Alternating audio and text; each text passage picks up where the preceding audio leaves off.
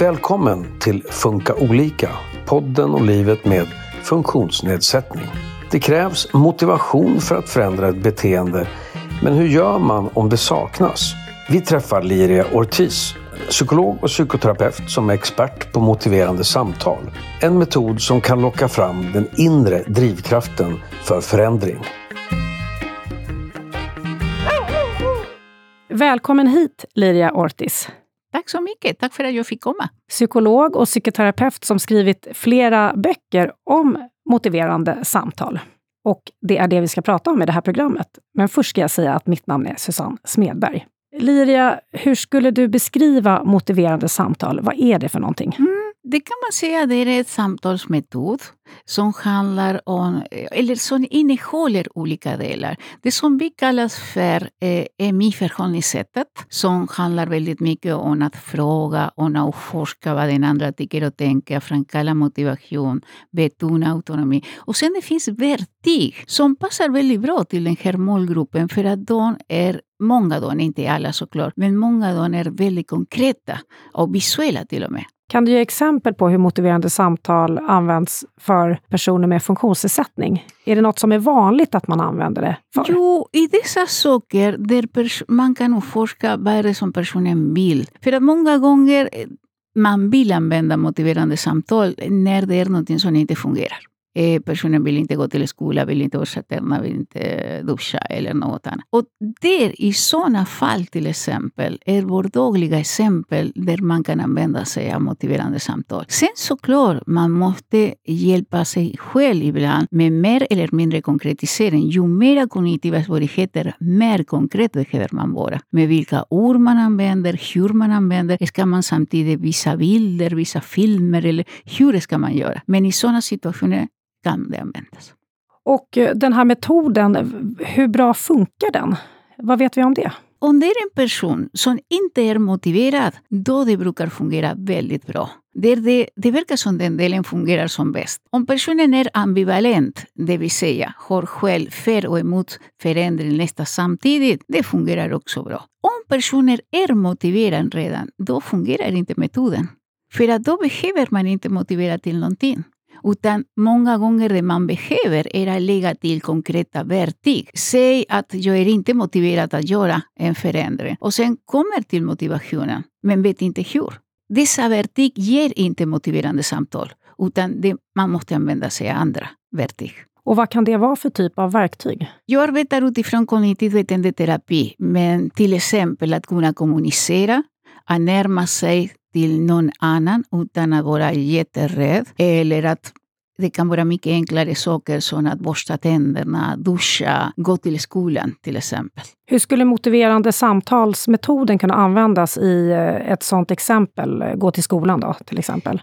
Till exempel, den första är att använda sig av min förhållningssättet genom att kunna ställa frågan. Vad är det som hindrar? Vad är det? Finns det någonting som motiverar? Och sen förstärka den där. De allra flesta av oss är bra på att ställa frågor. Eh, ställer bra öppna frågor och så vidare. Men vi är ganska dåliga på att lyssna på svaret. Där är, då börjar vi ge råd, vi börjar med förslag, vi börjar med att säga men den bästa för dig är. Och då tappar vi personen. Och när vi tappar personen, motivationen minskar. Med NPF ibland behöver vi hjälpa till. Till exempel om det här att gå till skolan. Personen säger jo, jag vill, men jag vill inte åka buss. Eller jag vill inte sitta bland så mycket folk. Eller något annat. Okej, okay, då har vi identifierat vad hindrar. Vad motiverar? Okej, okay, det här är någonting som väcker rädslor, men kan det finnas något som ger glädje?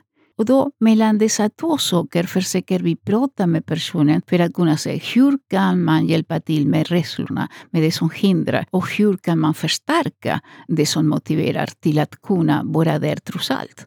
Finns det någon eh, gräns för kognitiv eh, funktionsnedsättning när den här metoden inte går att använda sig av? Jo, det gör det. Om personen har absolut ingen abstrakt förmåga, kan inte föreställa sig någonting, då jag har inte sett att den metoden kan fungera i sådana fall. Eh, för att till exempel, om vi pratar med verbala språket. Det finns många med NPF som kanske inte har tillgång till det verbala språket, men det kan man observera beteende. Det kan man observera genom beteende man ser på ett ungefär. Sen måste man prova sig fram, göra beteendeexperiment såklart för att kunna se, är det här som motiverar den här personen eller inte? Men Annars måste man ha någon viss, kunna uttrycka en viss vilja. Som sagt, med kroppsspråket eller med själva språket. Men på något sätt måste man kunna uttrycka det. Kan du ge exempel på en sån här, äh, när man observerar? Mm. Säg att det är en person som inte har tillgång till det verbala språket och säg att när man ska duscha, personen vill absolut inte göra det. Och man fattar ingenting. Vad, vad kan det vara? Då observerar man att så fort man öppnar duschen, personen börjar bli väldigt rädd. Ah, kan det vara duschstrålen som, som gör det? Att man blir rädd. Kan man ersätta det med att tvätta sig istället eller att, vad vet jag, på något sätt att eh, vattnet ska inte falla som vanligt utan på ett annat sätt. Och då återigen, det är alltid hypoteser. Vi vet inte säkert, men observera att den här personen verkar vara väldigt rädd för själva vatten. Kanske kan det vara så att det gör ont. Det, det vet vi inte. Då observationer och att prova sig fram med vad kan det vara som, ger, som, sagt, som kan göra att personen kan duscha. Eller, är, jag vet att många har det här problemet med att duscha. Vi måste komma ihåg, evolutionärt det är inte så naturligt. Den där man började duscha, jag minns inte riktigt, men jag tror att det kom på 50-talet, eller eh, som, som är väldigt generellt, som alla kunde ha tillgång till en dusch och så vidare. Så det är ganska naturligt att ibland dessa saker kan väcka rädslor eller göra ont eller något annat. Om vi går in lite på den här metoden då. Vi behöver inte ta duschexemplet nödvändigtvis, men på vilket sätt kan motiverande samtal leda till att någon då skulle vilja förändra sitt beteende eller förändra mm. något i livet? Om du vill kan vi göra en rollspel. Jag vet inte om det skulle vara... Vi testar, spännande. Ja, så ge mig lite bakgrund. Vem är du? Väldigt kort, sådär. Ge mig inte vi tar det här exemplet med skolan då till exempel. Jag vill inte gå till skolan. Och då säger att eh, du kommer till mig av olika anledningar. Någon annan har skickat dig. Du är inte så jättemotiverad att komma till mig heller. Men du kommer. Ja, Okej, okay, och då såklart eh, jag hälsar, säger välkommen, alla dessa saker som vi brukar. Så nu går jag lite rakt in i samtalet. Eh, tack för att du kom idag. Eh, jag vet att kanske det var inte det roligaste att tänka jag ska träffa en psykolog som ska börja tjotta på mig en gång till men jag ska gå till skolan. Är det så för dig? Ja, jag är väl inte jättesugen på att vara här och eh, vill heller inte gå till skolan. Tack. Tack för att du berättar om det. Eh, för att jag vill säga att, att vi kan prata en stund, vi kan vila när du vill. Och som sagt, jag kommer inte att vilja tvinga dig till något. Jag skulle vilja prata med dig lite mer om vad är det som hindrar dig, vad, vad är det som skulle vara motiverande för dig. Men det är du som kommer att bestämma senare vad du vill göra och hur du vill göra. Kan vi säga så? Kan prova. Bra. Så berätta gärna, varför vill du inte gå till skolan? Vad är det som hindrar dig? Jag tycker det är jobbigt i skolan. Mm. Jag tycker inte om min lärare. Jag tycker folk är dumma. Mm. Det är inte kul att gå upp på morgonen. Jag blir trött. Mm. Det är jobbigt för mig. Det är jobbigt. Och du sa bland annat att den där att gå upp tidigt, att kunna komma till skolan när du inte trivs där. Kan du ge mig ett exempel? Till exempel så tycker jag att det är långa lektioner. Mm. Jag blir trött och eh, läraren kanske blir irriterad om jag inte koncentrerar mig. Eh, och rasterna har jag inte så mycket att göra på. Mm. En, en annan fråga som och som sagt, därför att jag ska försöka förstå lite mer situationen. Är, har du eller någon annan berättat för läraren om det här? Att det är inte illvilja, utan att du har det svårt att hålla koncentrationen hela tiden? Det tror jag inte. Nej. Okay. Vi kommer att återkomma till den där, men om vi säger så att de här hindren försvinner, är det någonting i skolan som skulle vara roligt? Inget som jag kan komma på. nej, nej, nej, det är helt okej. Okay. Kan jag komma med något förslag, men du får säga ja eller nej. Ja. Du, du bestämmer. Eh, till exempel, finns det någon kompis, någon i skolan som du kan prata med? Ibland. Är det en kompis, några kompisar? Hur, hur blir det till? Lite olika. Ingen speciell sådär, men Ingen lite speciell. olika. Okay. Men det verkar som det är någonting som, eh, det är inte så ofta, men det är någonting som du uppskattar. Stämmer det? Mm. Något annat? som kan vara, kanske inte roligt, men åtminstone som inte skulle vara besvärligt i skolan. Jag tycker vissa ämnen är ändå relativt kul. Mm, roligt, berätta, Ja. vilka? Engelska är kul till exempel. Det kan Rita. användas för väldigt mycket. Precis. Och förlåt, så du engelska och vad mer sa du? Rita. Så det är två saker som du gillar och som skolan skulle möjliggöra att du kan göra. Är det okej om jag sammanfattar den här lite grann? Och med sammanfattning menar jag att jag berättar för dig vad jag har förstått av det vi har pratat om så länge. Mm.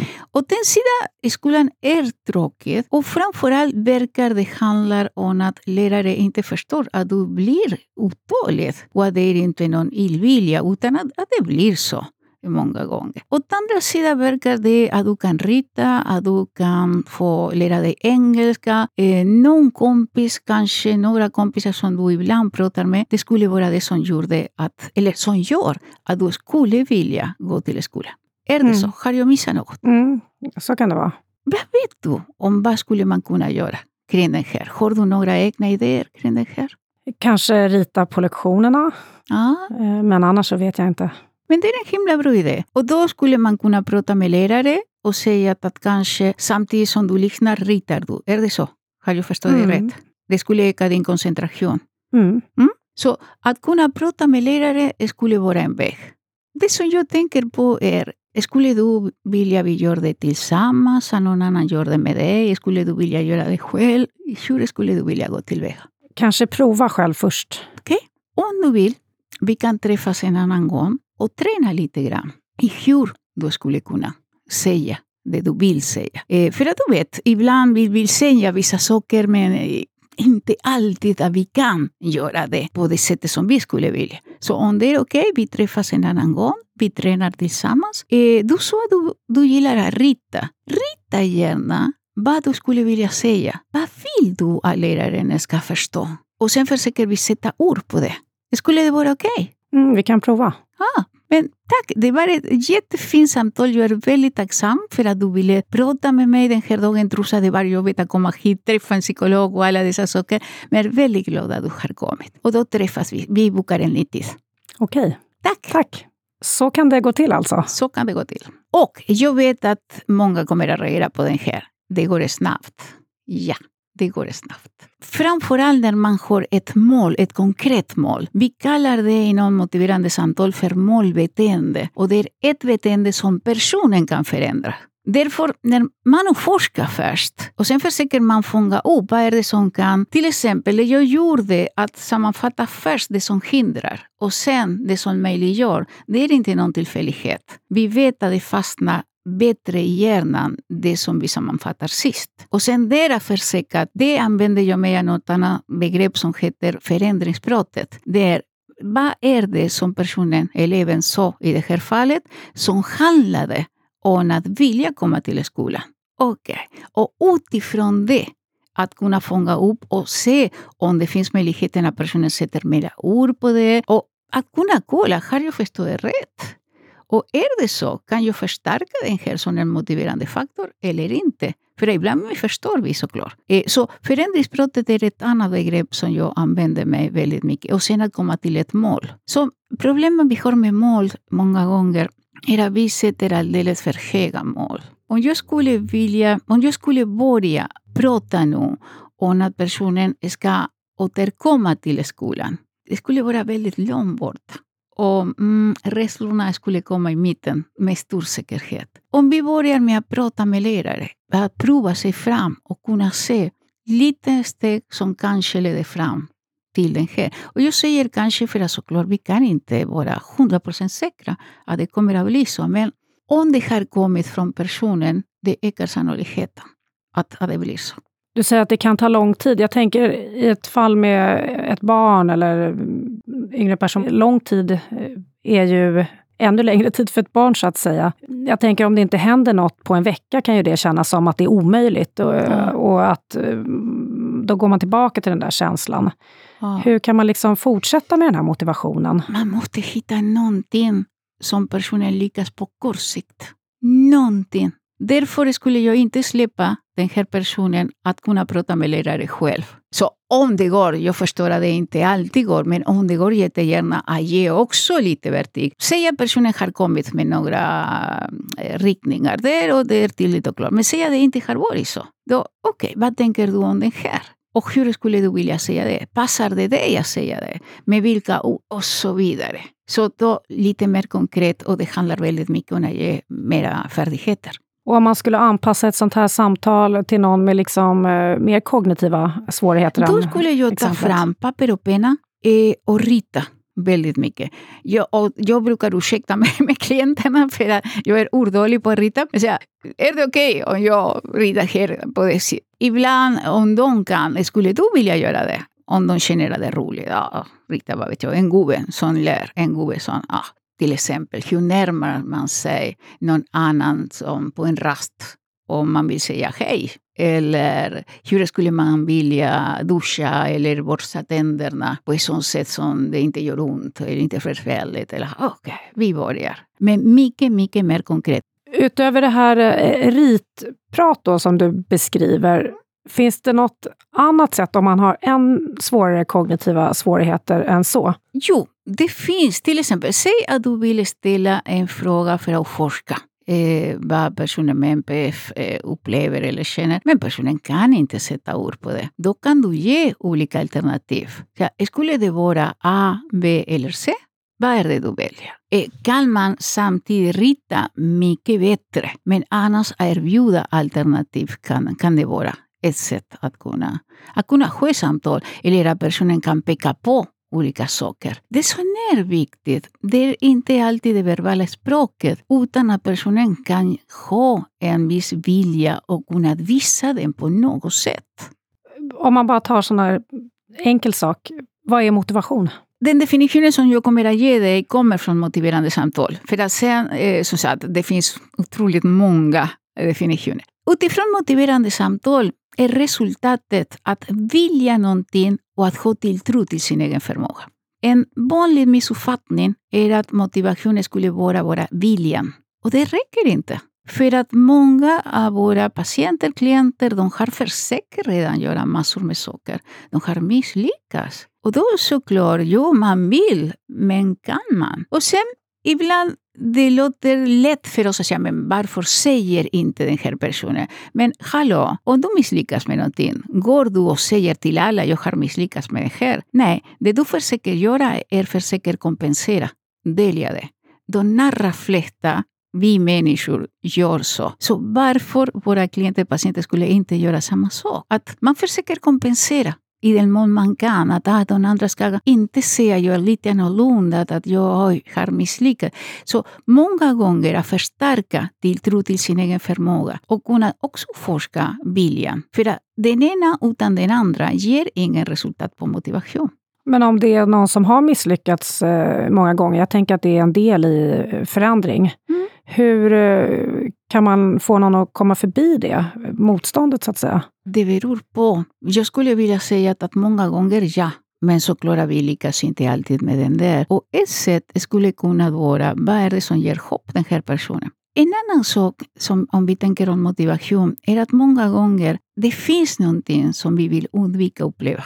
Och det finns någonting som vi vill uppleva.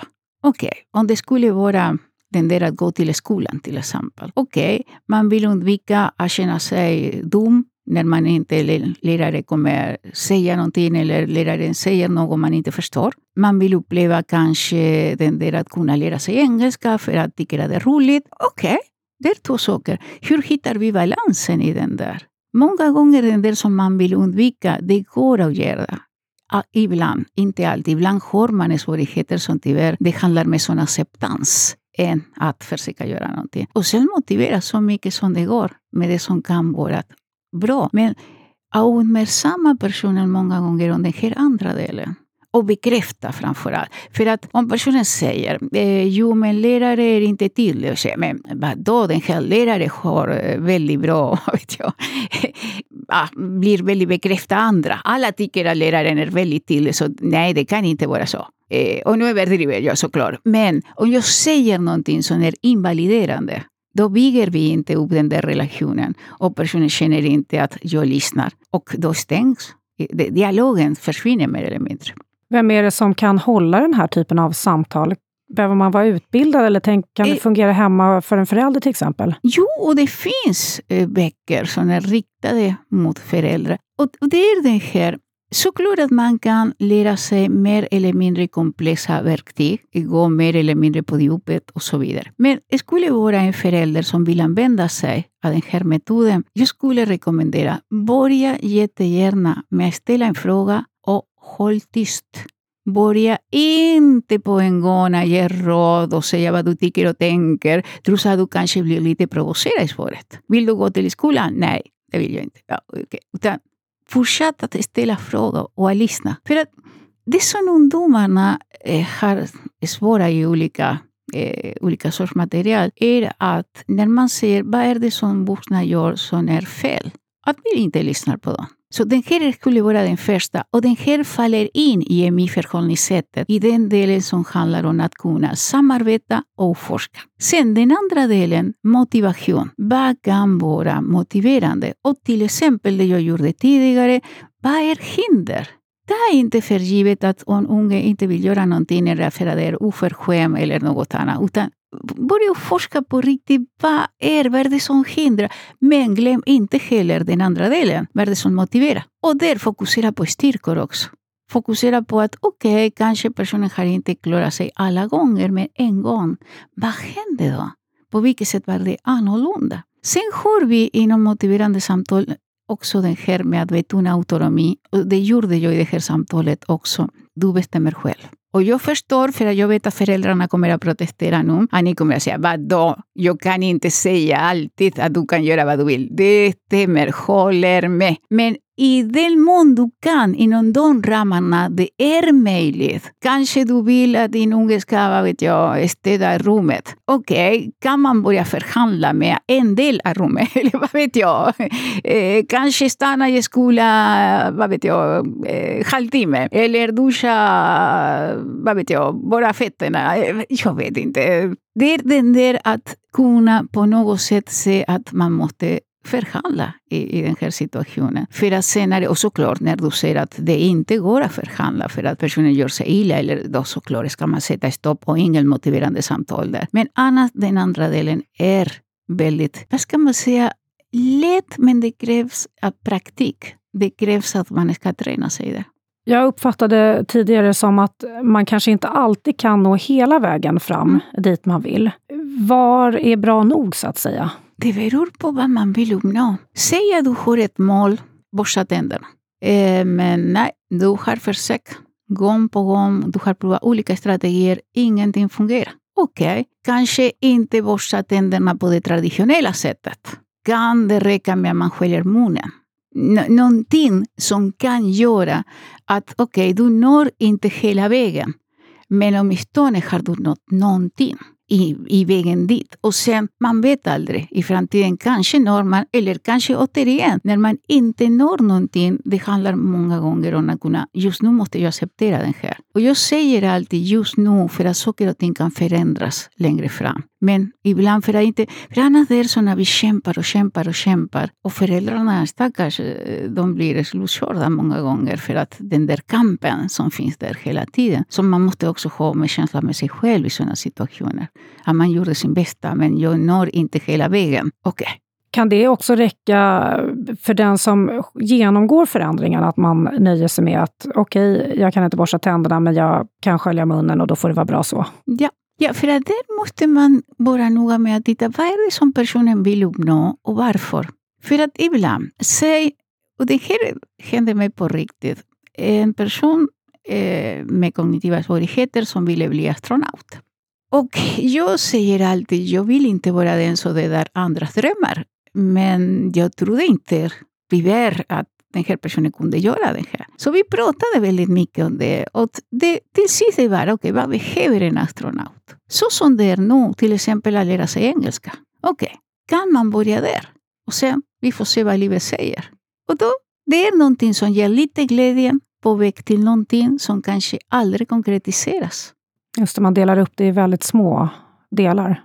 Precis. Och inte som delmål, utan som att man går en väg. Ja, jag skulle vilja bli astronaut, men vad behöver jag för att komma dit? Ja, lära mig. engelska. Okej, okay. lär dig engelska, njut att lära dig engelska och sen vi får se vad är det som, som händer. Åtminstone gör man någonting som kan ge lite glädje skulle vilja fråga om ett uttryck som jag har hört eh, ibland i samband med motivation, kognitiv dissonans. Mm. Hur, vad är det för någonting? Kognitiv dissonans är en skillnad mellan den personen som man vill vara och den som man är. Om jag säger till exempel att jag, vill, eh, jag är en person som respekterar alla andra, men sen ser du att jag gör inte det, då där du ser en kognitiv dissonans. Men för att kunna uppstå en riktig kognitiv dissonans måste jag uppleva det. Oj Liria, du säger att du vill respektera alla, men i princip du behandlar inte med respekt vissa personer och, och så vidare. Så den här är diskordant, den här hänger inte ihop. Och det kommer det intressanta och centrala för att det ska leda till förändring. Det måste göra lite ont i mig.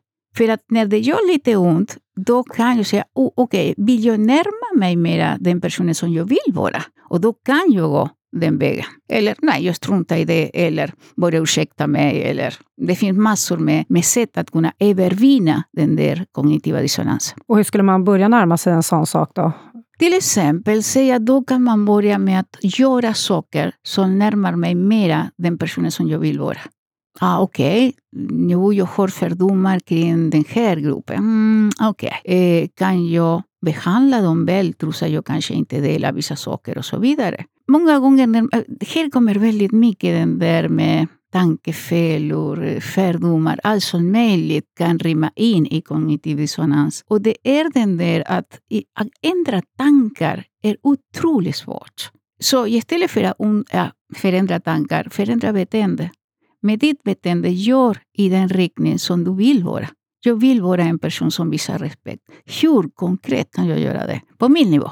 Och då hittar man sätt att närma sig. Hur lång tid kan en sån här förändringsprocess ta? Ingen aning. Tyvärr kan inte svara på det alls, eh, för det är så individuellt. Däremot, generellt, man tror alltid att en process för att förändras ska ta jättelång tid. Och det är inte alltid sant hela tiden. Vid kriser till exempel, vi är aldrig så öppna som vid en kris för att förändra oss. När det händer någonting som skakar oss, då, då det, det, det går väldigt snabbt. Eller den där obehag som jag pratade om tidigare är så stark så man vill fly från det, då det kan också påverka. Så det finns situationer i livet, eller om vi är sjuka, eller som okej, okay, processen kan gå väldigt, väldigt snabbt. För att många gånger när personen kommer till oss, det har gått en lång väg. Det har hänt väldigt mycket. Jag läste för länge sedan en forskning som sa att när vi mår dåligt och innan vi söker hjälp, det går mellan fem och sju år. Och det är förfärligt egentligen. Några fallgropar då, när man håller ett sånt här motiverande samtal? Mm, man vill gå alldeles för fort fram i första hand. Att man inte lyssnar på personen. Om man frågar oss alla, eh, hur bra är du på att lyssna? Jättebra, jag lyssnar. Och det hände mig faktiskt när jag började med motiverande samtal. Jo, jo, jo, jag lyssnar. I motiverande samtal det finns en lång tradition att spela in. Och då upptäckte jag, vad då bra på att lyssna? Det var inte alls så bra. Eh, så då kommer den där, ah, då har du ett konkret bevis på att, och, såklart, och jag var motiverad, jag ville verkligen vara den personen som lyssnade. Och då, det händer att som sagt, det kan gå väldigt snabbt. Men räkna inte med alla processer är långsamma och alla förändringar är långsamma. Ibland det stämmer, många gånger stämmer att det tar lång tid och så vidare. Men jag tror att ibland är våra egna rädslor som träder fram än klientens rädslor. Eller att vi har vissa tankar om att samtalet måste vara på ett visst sätt. E Tack och lov, nu har vi kommit borta från den där. Men förr i tiden, det jag fick lära mig som psykolog är att för att ha ett samtal måste vi sitta bredvid varandra, titta på varandra i ögonen. Och e ibland tänker jag, lite skämtsamt, men eh, fanns det ingen autism på den tiden? Vad, vadå? Hur kunde man säga sådana saker? Nu har vi lärt oss att ett samtal kan pågå på många olika sätt. Folk blir kära via nätet. Eh, jag menar, det kan finnas massor med sätt. Kanske istället för samtal kan vi prata om kommunikation. Därför var jag inne på tidigare att om personen eh, vill rita, om vill använda sig av en app, var inte fientlig mot telefonen. Om det är hjälpmedel, varför inte? Jag menar, använda sig av allt som kan vara hjälpsamt för att ha den där kommunikationen med den andra. Och eh, därmed säger jag stort tack till dig, Liria Ortiz. Tusen tack! Psykolog och psykoterapeut med stor erfarenhet av motiverande samtal. Du har lyssnat på Funka olika, en podd från Habilitering och hälsa som en del av Region Stockholm. Nästa gång träffar vi bloggaren Sara Melin, mer känd som Lilla Spidos mamma. Hon berättar om hur hon som förälder till flera barn med NPF hittar ork och motivation i vardagen. Missa inte det!